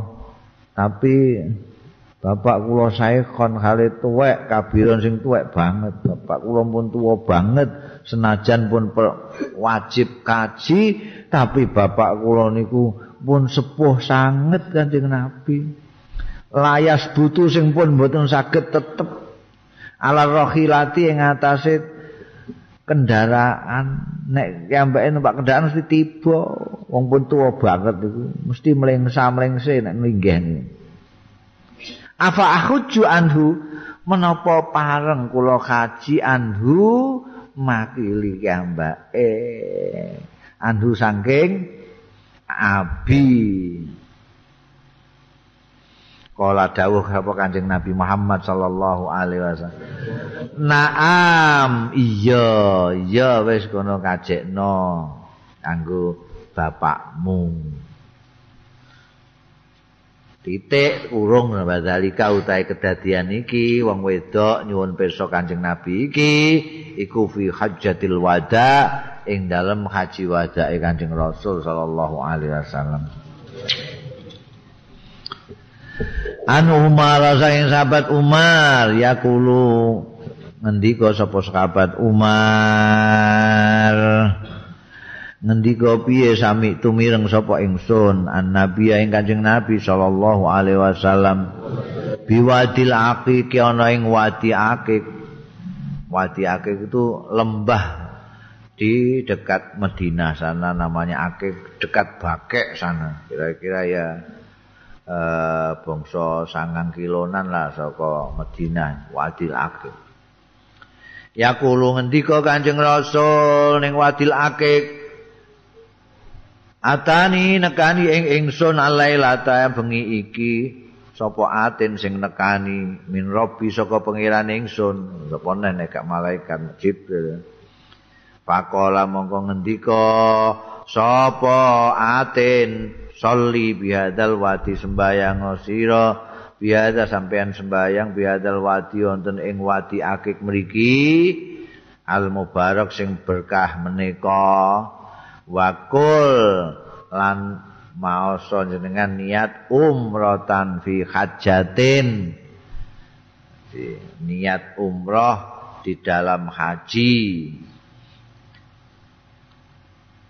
Wayahe haji ku mesti ana umrah mbek haji dadi siji. Karek umrah ing dhisik terus haji ning apa haji ning dhisik, ing guri, apa bareng. Mulane nek haji ku ana sing jenenge ifrad, ana sing jenenge tamattu, ana sing jenenge kiron niku merga bersamaan dengan umrah dan haji. Iki kongkon sembayang ihram niat umrah fi hajatin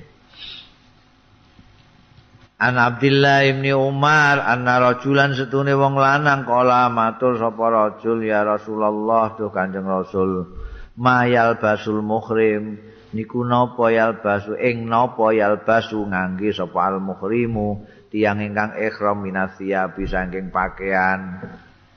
Nek ajeng kaji tiyang sing ihram niku macak sepundi pakaiane sepundi Kanjeng Nabi. Ihram iku padha karo takbiratul ihram nalika sembayang. Nek sembayang ana takbiratul ihram, orang yang sudah Allahu Akbar sudah ndak boleh geneman, ndak boleh makan, ndak boleh gerak yang banyak.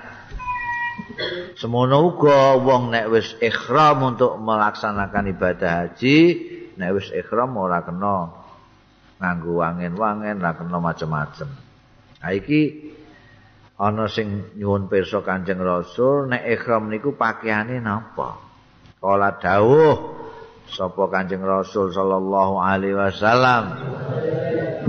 Layal basu aja nganggo ora kena nganggo sapa muhrim wong sing ihram ora kena nganggo al-kumusa ing kamis-kamis klambi biasa kene iki gantuk. Gamis sing kaya wong Arab nganggo kaya gak oleh. Walal amaim lan ora ngena nganggo serban. Walas sarawilat lan ora kena nganggo serual serual katok-katok gantuk. Heeh walal baronisa. Lan ora kena nganggo baronis jamae burnus. Iku topi. Walal khifafa lan ora kena nganggo khuf jamae khuf iku. Kaos kaki tapi saka kulit. Ila akadun kejaba wong suwiji laya jidu sing ora nemu sapa akad nak laine ing sandal loro fal yalbas mongko supaya nganggo ya akad khuffaini ing khuf loro tapi wal yaktok huma supaya ngetok sapa akad huma ing khuffain asfala ing sebelah ngisor minal ka'bah ini saking tungkak lorone dibolongi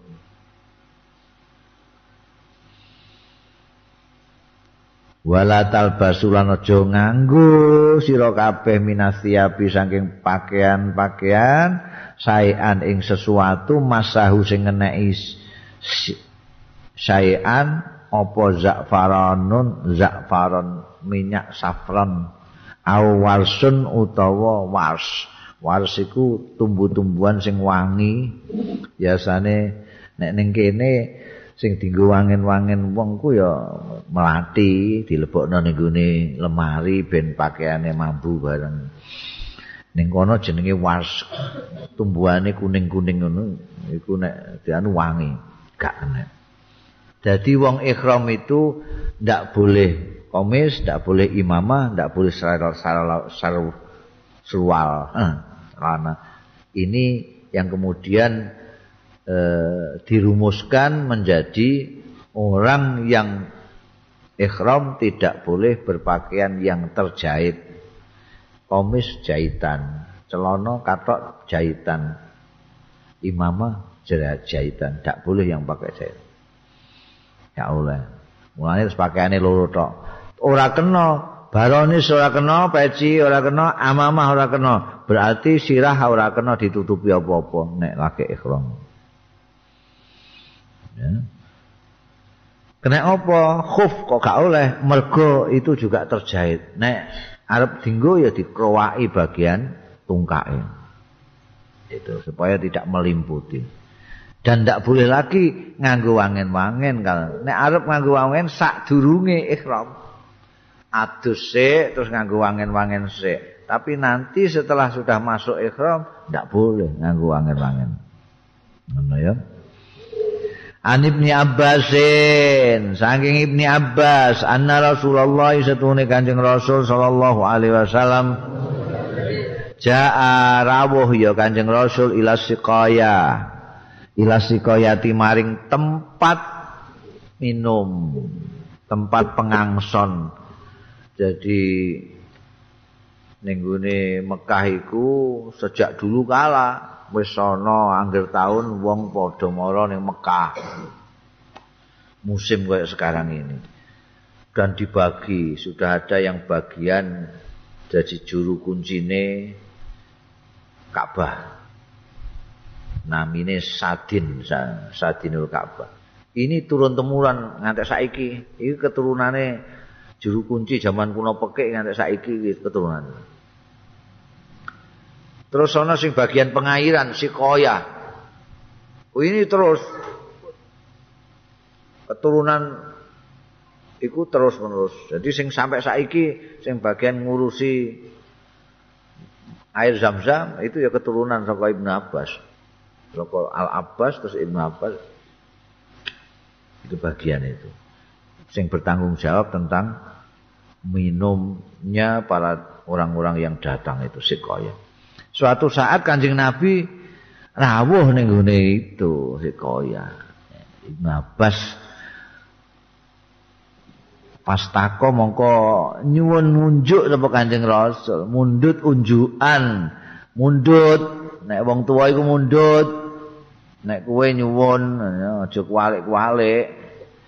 Kula mundut enggak bener.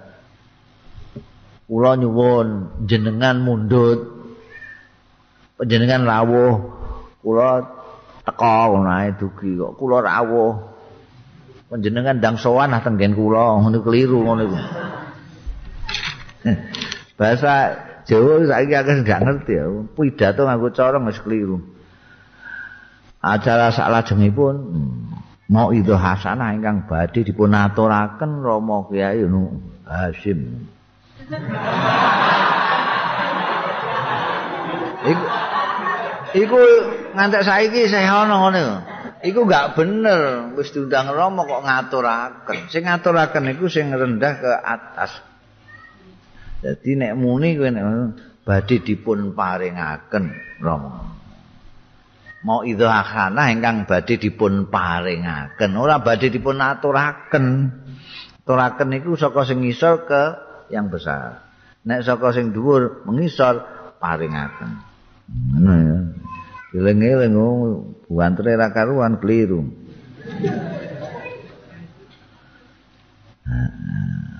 Pastako mongko mundut unjukan sapa Kanjeng Rasul. Faqal al Abbas sing nyritakno hadis iki Abdullah bin Abbas. Sing ngendika saiki Al Abbas ramane Ibnu Abbas sing cerita iki. Kanjeng Nabi rawuh mundut unjukan Pakola mongko ngendika sapa Al Abbas. Kok gak muni bapak ngono ya. Ibnu Abbas kok gak muni bapak kok Al Abbas. Ngendika Al Abbas. Ya Fadlu, he Fadl. Fadl iku putrane Abbas dulure Abdullah bin Abbas sing nyritakno hadis iki. Irhab eh Rana Fadl ila umika maring ibumu ibune jenenge Ummul Fadl garwane Al Abbas kono mara ning ibu Fakti mongko nekakno sira Rasulullah ing Kanjeng Rasul sallallahu alaihi wasallam bisa bin kelawan unjuan min indiha saka ngarsane ummika. Jalukno unjuan iku ya ning kulkas ibu ngono. Ngono terus saiki kulkas lah ora ora ning ora ning sumur ngono. Kanjeng nabi kan malah ning sumur iku. Liya-liyane ada akeh dan jikokno ning ngene kono. Min indi india iku kan jikokno simpenane ibu nah mbah ning genuk mbah ning endi saiki ning kulkasan. Pakola mongko ngendika sapa Abbas ya Rasulullah do Kanjeng Rasul niku anu innahum tiang-tiang niku innahum stune tiang-tiang ku yaj'aluna sami ndadosaken tiang-tiang menika aidiahum ing tangan-tangane tiang-tiang menika fihi ing dalem anu sarap niku tiang-tiang niku do wah niku timbone pun anu niku kena bakteri tuangane do ngoten niku do anu ngoten niku. Mulane mang ngentosi fadl kesane mundut un, anu toya saking ibune menika sing resik emang ora kena ora pareng lah karepe Kanjeng Nabi kok arep oyo-oyoan ning gone timba ngunjuke kok ning timba ngono iku. Niku pun tinggi tangane tiyang oyoan macem-macem ngoten niku Kala ngendika Kanjeng Nabi. Iskini aku njaluk ngombe ngono ae kok. Pasariba moko ngunjuk Kanjeng Nabi minhu saking sarop Tuma ata zamzama. Monggo keri-keri rawuh sapa Kanjeng Nabi zamzama ing sumo sumo zamzam. Akeh wonge wahum hale utahe wong akeh ku yaskuna padha ngangsu nimba anu wayak malu nafialan padha nyambut gawe ana sing umbah-umbah fiha ing dalem. Zamzam mau sumur zamzam. Pakola ana sing nimba ana sing anu pakola mongko dawuh sapa Kanjeng Nabi. Eh malu. Wis kono do nyambut gawe terusno. Pak innaku mongko sedune sira kabeh iku amal ila ala amalin sholihin iku ing atase pekerjaan sing bagus. Mereka itu kan do ngangsu untuk diberikan kepada tamu-tamu yang datang. Si koyah itu. Saiki wis ngopo diadai ning termos-termos pirang-pirang ngono saiki. Malah wong gak iso mara ning ngene zam-zam. Nek biyen iso iso ning ngene zam-zam oh, arep nimbo dhewe iso. Saiki wis dijikukno kabeh Wah iku mbiyen iku ya Kanjeng Nabi mudhun ning Zam-Zam iku wong-wong lagi do nyambut gawe. Terus di semangati karo Kanjeng Nabi, eh karena terus no nyambut gawe iku pekerjaan bagus itu. Mbak ngombe karo wong-wong sumakola mongko dawuh sapa Kanjeng Nabi, laula antuh labu lamun ora yen terkalahkan dikalahke sira kabeh lanazal tu yekti mudun sapa ingsun kata ado al habla sehingga nyelehno sapa ingsun al habla ing tali ala hadhihi ing atase iki. Iki yakni ngesake Kanjeng Nabi atikahu ing pundake Kanjeng Nabi. Wa asara lan ngisarata ngisarati sapa Kanjeng Nabi la atikihi ing atase pundake Kanjeng Nabi Hmm. Jane nek aku ora kuatir kowe do kalah karo aku, aku mudhun melok nyambut gawe aku ngene kanjeng Nabi. Iki nek cara aku iki maknane kanjeng Nabi anu ya nyemangati, nyemangati dengan humornya itu. Umpamane aku ora wedi kowe kalah kabeh nyambut gawe aku kalah kabeh kowe. Nek ora ngono aku mudhun ta. Kene nggawa. Apa iku nek aku nibo kan metu kene muanune jeru. Nek tafsir-tafsir biasa ning ngendikake tuhlabu iku ya mesti ngalah kabeh no Kanjeng Nabi mudun kok apa ya diserahno Kanjeng Nabi kabeh. Monggo Kanjeng Nabi jenengan piye? Ora wani lah apa-apa ana Kanjeng Nabi Iki hati nduduhno nek Kanjeng Nabi itu wonge merakyat ya. Padahal iku jane kan sing bertanggung jawab iku Al Abbas pamane dhewe. Pamane dhewe ora usah melok uyel-uyelan ning gone sumur karek. Aku cek ngene dikukno ngombe ngono. Ora iso ngono sing wis digodhog ya ngono ae saya tetep iso. Tapi gak kersa kanjeng nabi. Tetep ning gone sikoyah iku Ana Abdullah Abdullah iku maksudnya Abdullah bin Mas'ud. Ya. Mergo akeh Abdullah, Abdullah bin Umar, Abdullah bin Amr bin As, Abdullah bin Abbas. Nah, itu nek muni Abdullah tok ya Abdullah bin Mas'ud. Sing paling senior di antara Abdullah Abdullah itu. Kala Atur sapa Abdullah bin Mas'ud. Maro ngendika sapa Abdullah bin Mas'ud maro aitu Rasulullah. Ora ningali sapa ingsun Rasulullah yang Kanjeng Rasul sallallahu alaihi wasallam. Ora tau tak tingali salat ingkang salat Kanjeng Rasul salatan ing salat bighairi mikotia ing dalem liyane wektune salat illa salataini. Kejaba salat loro jamaah kan jamak dadekno siji ya Kanjeng Rasul bainal maghribi wal isya antarane maghrib lan isya. Nek dicampur maghrib be isya kan ya ora ning waktune waktune isya. Nek umpamane jamak takdim ra ora ning waktune isya sembayang isyae nek jamak takhir ra ora ning waktune maghrib sembayang maghrib iki. Heeh. Anjing Nabi aku ratu mon salat di luar waktunya kecuali ketika jamak maghrib karo isya wa sholal fajr lan nalika salat fajar qabla miqadia sadurunge wayahe salat fajar wadzalika fil haji utahi mengkono mau iku fil haji dalam waktu haji maksude salat fajar qabla miqatiha iki sadurunge diumumno dikomati karo biasane Kanjeng Nabi nek salat subuh ya apa jenenge ngenteni nek sapa Bilal wis komat segala macam. Tapi pada waktu haji tidak lebih awal lagi, tapi sudah masuk waktune fajar. Aja salah tompo, maksudnya sholat fajr qabla miqatiha terus durung wayahe manjing terus sholat itu gak. Ning ngono kan gak sah. Maksudnya tidak seperti biasanya. Biasanya mesti Bilal azan sik, azan Bilal ngenteni wong do teko, terus komat baru sholat. Tapi pada waktu haji itu kan Nabi gak gak menunggu itu. Begitu tit subuh begitu sholat kanjeng Rasul. Ini lebih pagi.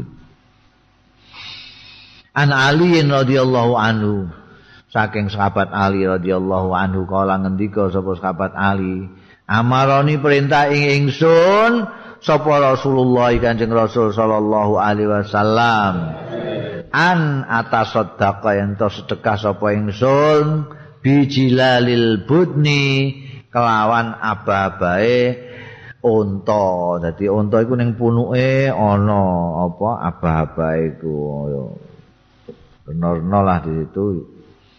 Alati nakhartu sing nyembelih sapa ingsun wa bijuludiha lan sedekah bijuludiha kelawan lulange kulite bud lati buden jadi iku di sunatake nek nyedekake apa jenenge korban iku sak aba-abae sisan disedekahke ya kulite barang iku.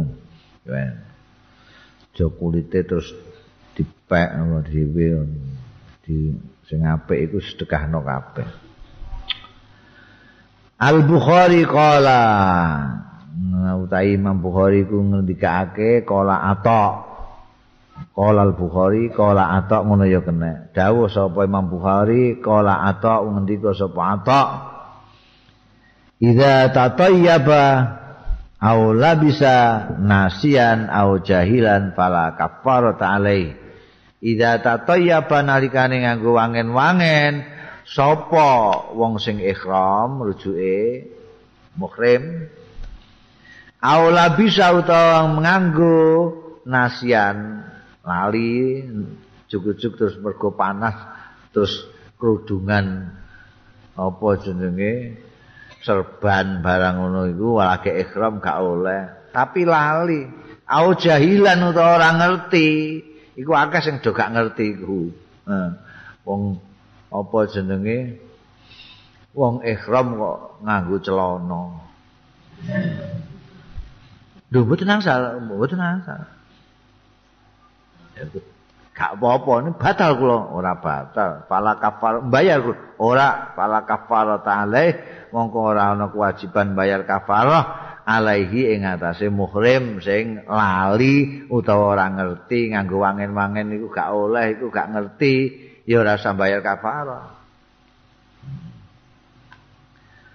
Iku men, sing dinggo cekelan karo Imam Syafi'i. Ya menurut Imam Syafi'i wong nganggo wangen-wangen mergo lali utawa gak ngerti ora bayar kafarah gak apa. Nganggo katok sekalipun gak ngerti utawa lali ya gak apa-apa. Nek madhab liya kaya Imam Malik barang iku ana kayite. Nek ndang gage dicopot.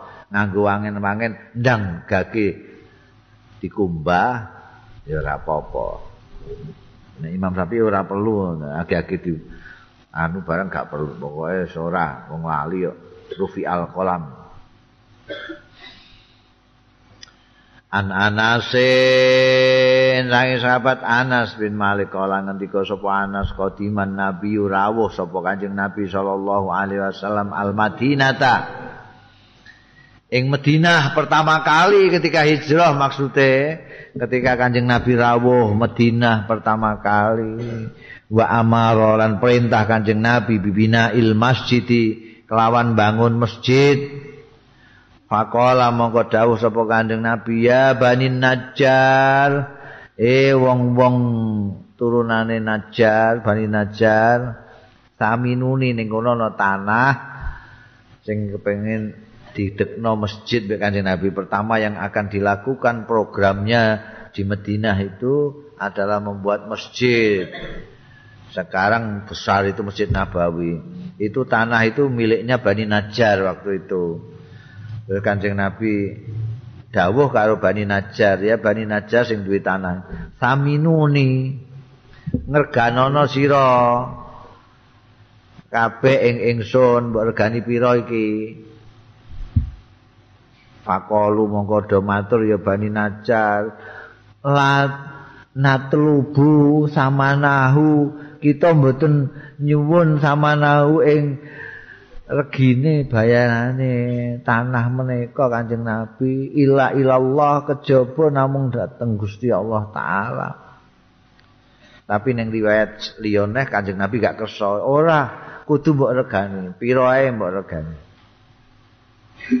akhirnya terus diregani mergo dipaksa-paksa terus didedes-dedes Kanjeng Nabi kan aku gak sesuai gak sida ya Allah nek kudu mbok regani dirgani 10 dinar. Dinar itu di emas 10 dinar. Dibayari kalau sekabat Abu Bakar Siddiq. Pak Amaro setelah dah dibayar, Pak Amaro monggo perintah Kanjeng Nabi bikuburin, bikuburil musyrikin, kelawan niku ana kuburan lawas, kuburane wong-wong musyrik. Panu bisat monggo dibongkar ya kubur. iku di kuburan lawas iku dibongkar dibongkar bongkar kuburane wong musik-musik zaman kuno. Summa bil khirabi fasuwiyat mongko keri-keri kelawan. Apa iki?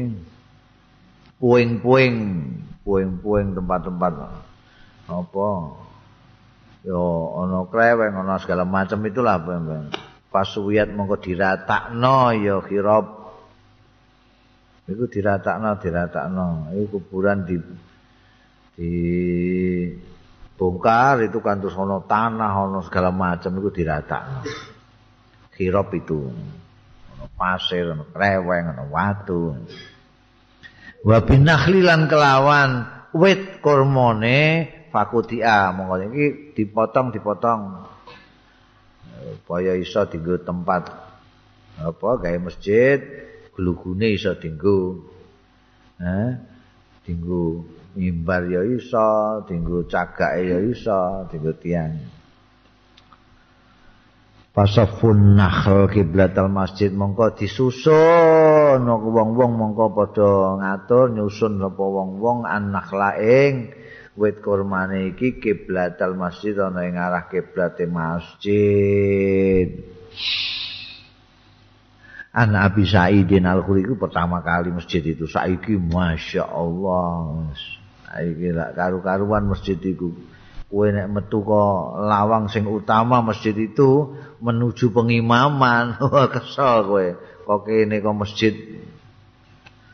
Kok kene kok kayak kauman ngono aku kene ning kauman waduh mergo saking gedene jadi saiki ku Masjid Kanjeng Nabi semene iki tambahi neh ngene. Enek diterangno ngene iki iki zamane sahabat Umar iki zamane Malik iki sampai iki zamane Fahad. Raja sing saiki wingi kuwi wedi Masya Allah mungkin. Jadi terus ketok cilik ngono. Daleme kanjeng Nabi mah kowe tok cuwilik nyemplik. Kayak godaanmu biyen daleme kanjeng Nabi. Biyen mau terima glugu kurma. Wah saiki marmer Itali. AC ning dindi An Abi Sa'idin Al-Khudri anin Nabi sallallahu alaihi wasallam Kala ngendika Kanjeng Rasul yanzilud dajjal. Turun sapa ad-dajjal dajjal wa huwa khali utai dajjal iku muharramun alaih diharamna alaih ing atase dajjal ayat khula yen to mlebu ya dajjal ni qabal Madinah ing dalan-dalan Madinah ka entuk haramna dadi dekne ning di yo yanzil yanzilu mudun sapa dajjal ba'da sibahin ba'da sibahi ana yang sementara tanah gersang alati bil Madinah kang ana ing Madinah di luar Madinah. Tanah gak iso ditanduri apa-apa iku sibak. Fayakhruju ilaihi yauma idzin rajulun mongko metu ilaihi jadi di luar. Saiki barang kowe nek ning gone Madinah ana batas itu. Anda memasuki tanah haram. Ning Mekah juga gitu. Nah, di luar itu itu si baik di luar itu dajjal ning kono. Nalika mudhun ning kono iku fayakhruju ilaihi moko metu ilaihi marang dajjal yauma idzin nalika iku sapa rajulun seseorang. Wa huwa khairun nas wa huwa utai rajul iku khairun nas sak bagus-baguse manusa. Jarene sak penyarah-penyarah hadis rajul iki Nabi Khidir. Oh, janji ana sing misterius sing apik iku Nabi Khidir. Rajulun khairun nas. Au min khairin nas utawa termasuk bagus-baguse wong metu metuki dajjal.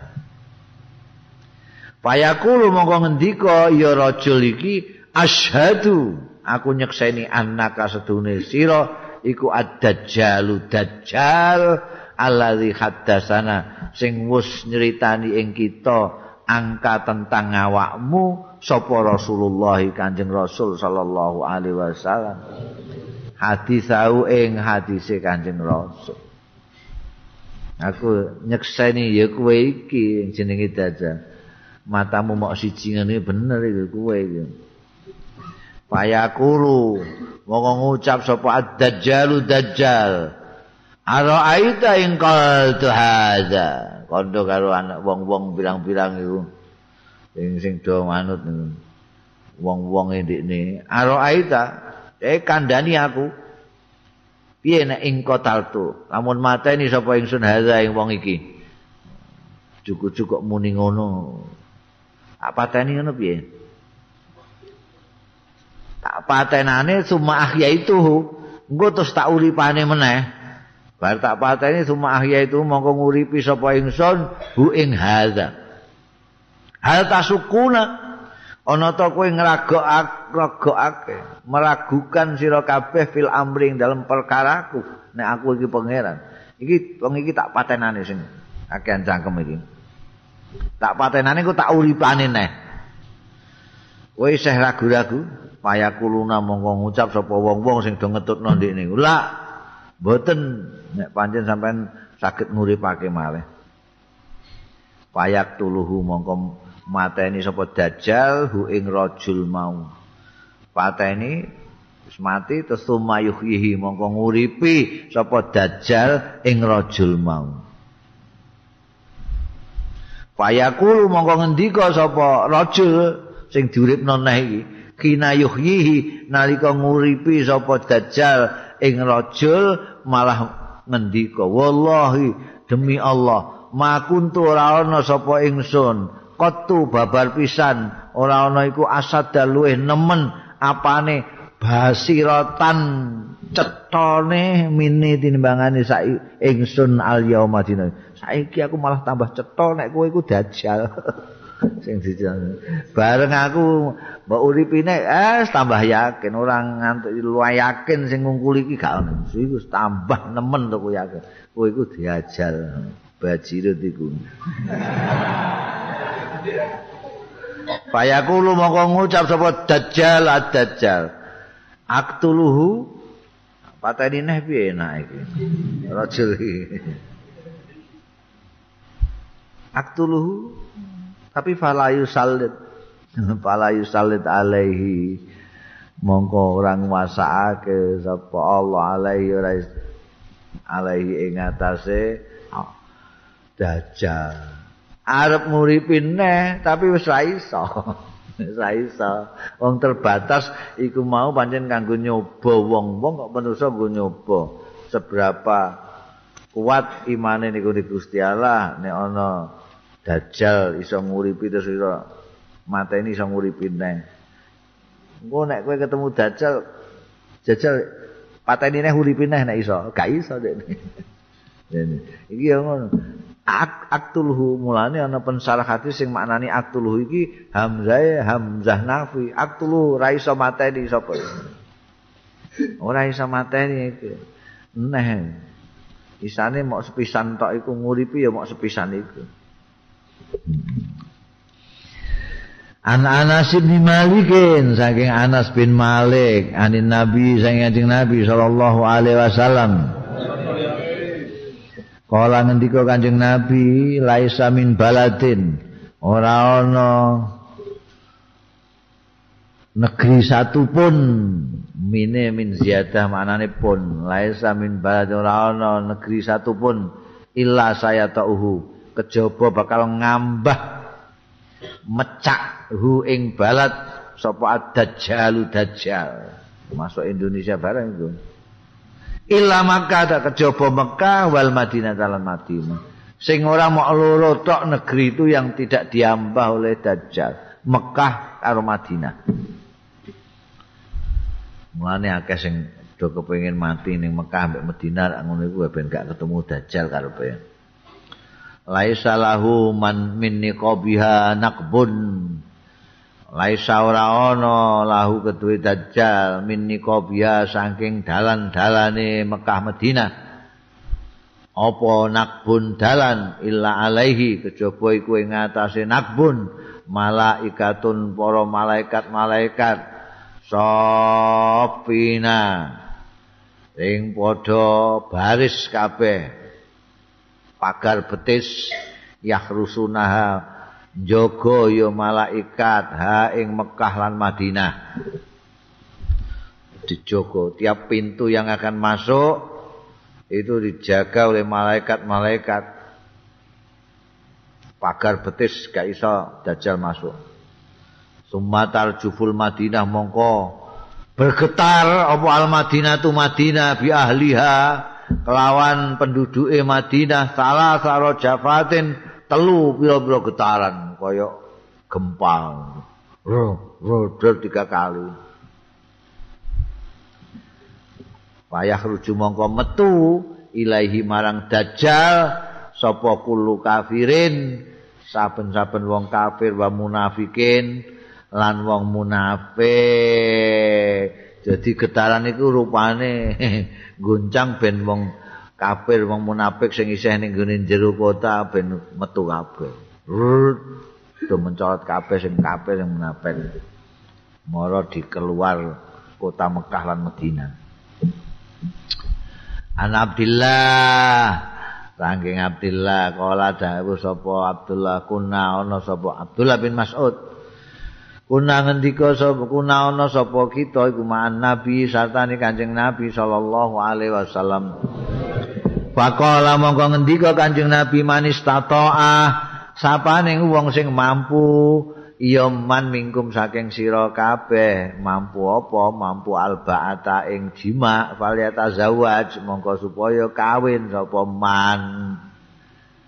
Kuat jima iku tegese duwe ongkose. Nek duwe ongkose berarti ora kuat. Nek kuat ndang kawino Getan apa-apa ya jenenge kowe gak kuat. Nek gak kuat fal yatazawwaj. Manis tato amin kumul ba fal yatazawwaj. Fa innahu mongko setune kawin iku aghadtu luweh nyancang lil basari maring mata. Ben mripatmu ora pendelian. Kaya dem-dempo.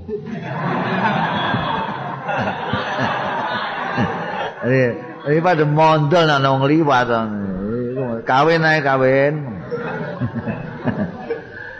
Wa ahsanu lan luwe njogo lil falci marang kemaluan. Kemaluanmu, meripatmu, barang itu ben terkontrol. Kowe kawin. ya. Nek kowe wis mampu. Ora mampu ya. Piye nek gak mampu. Wa malam yastate mongko sapane wong sing ora mampu kaya kowe iku fa alaihi mongko netepono man bisa umi kelawan poso wis poso ae fa inahu mongko setuhune poso lahu keduwe man lam yastate iku wijaun. Ngono ya wijaun iku padha karo ngebiri ngono. Wijaun dadi tampa lah wis ora macem-macem nek poso iku lemes ngono ae ora pati ngrangsang. Wong arep kawin yo ora apa-apa wis poso ae. Engko bodho buka sedina terus bariku poso neh. Ngono ya. Iku nek gak ngono kowe engko ndak bedal-bedal. Eh eh an Zaid bin Thabit nek wis nek wis cukup ya nanggake kawin iki Hasim lagi persiapan.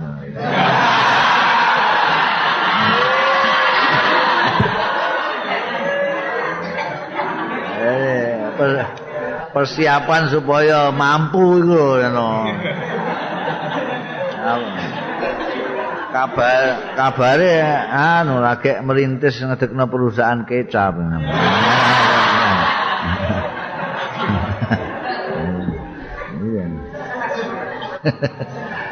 Iya, itu mana diniati manut Kanjeng Nabi ngono lho. An Zaid bin Thabitin, An Zaid bin Thabitin nek Pak Sarep mbah dalile mbah apa? Wis banget mampune ya, Pak Sarep banget mampune. Kok gak gelem iki mesti duwe dalil liya ya. Ora ora kawin ora poso, iku piye dalile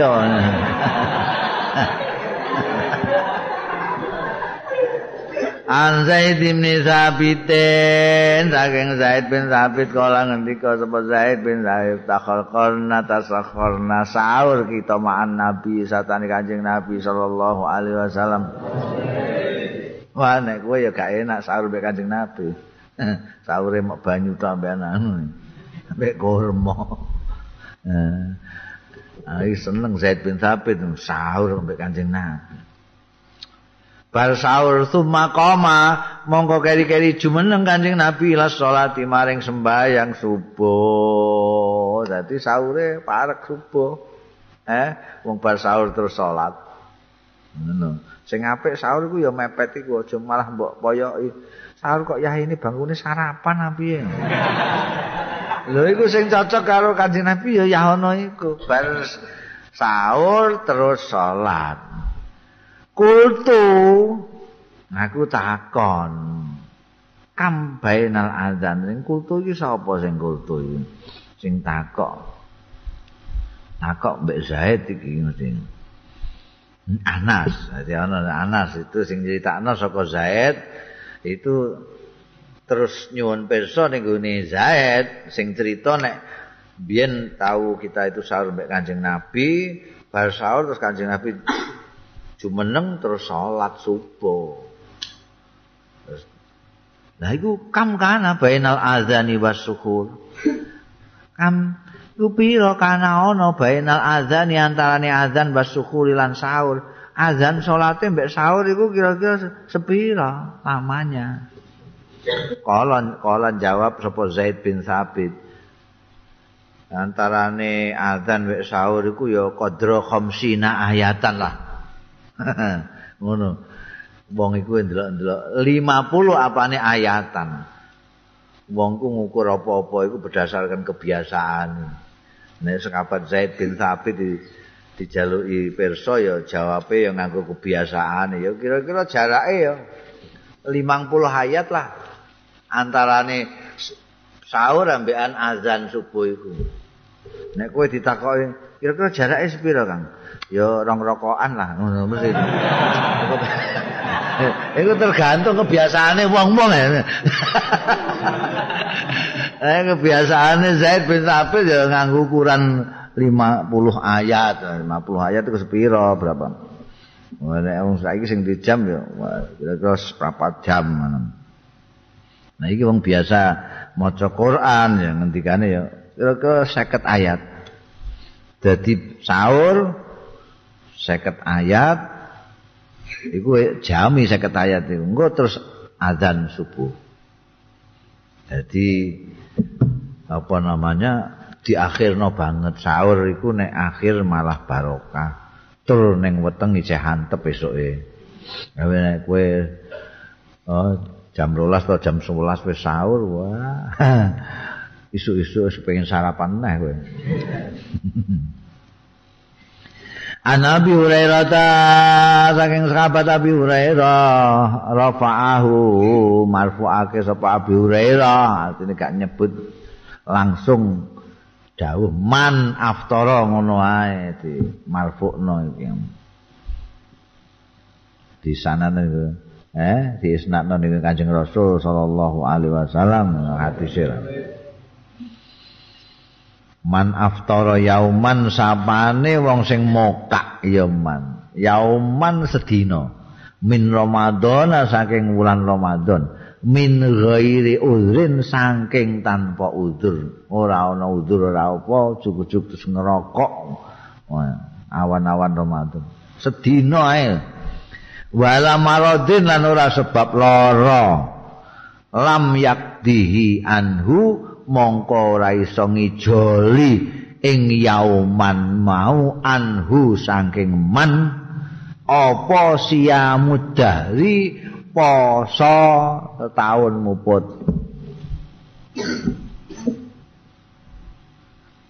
Wa in somahu lan setnajan masani sapa man hu ing dahar iki wabilan kelawan dawuh iki sing dingendikakno saka sahabat Abi Hurairah kala Ibnu Mas'udin ngendikake juga sapa Abdullah bin Mas'ud.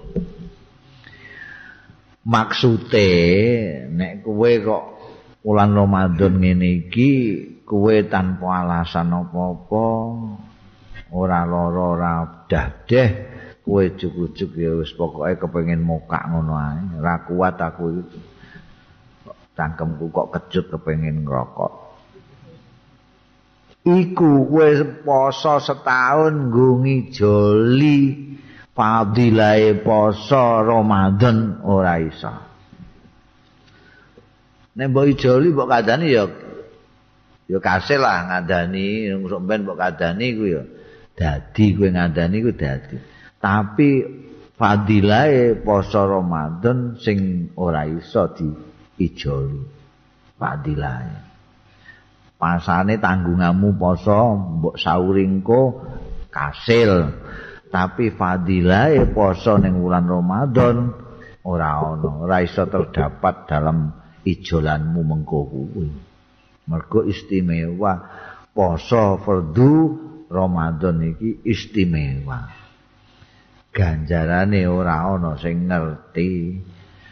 Nek ganjarane ngibadah lan amal-amal liyane aku ngerti. Kowe pemane sembayang sunat aku ngerti ganjarane piro. Ganjaran sembayang iku minimal 10 kali lipat. 700 lipat. Ngerti aku? Nek poso ora ana sing ngerti.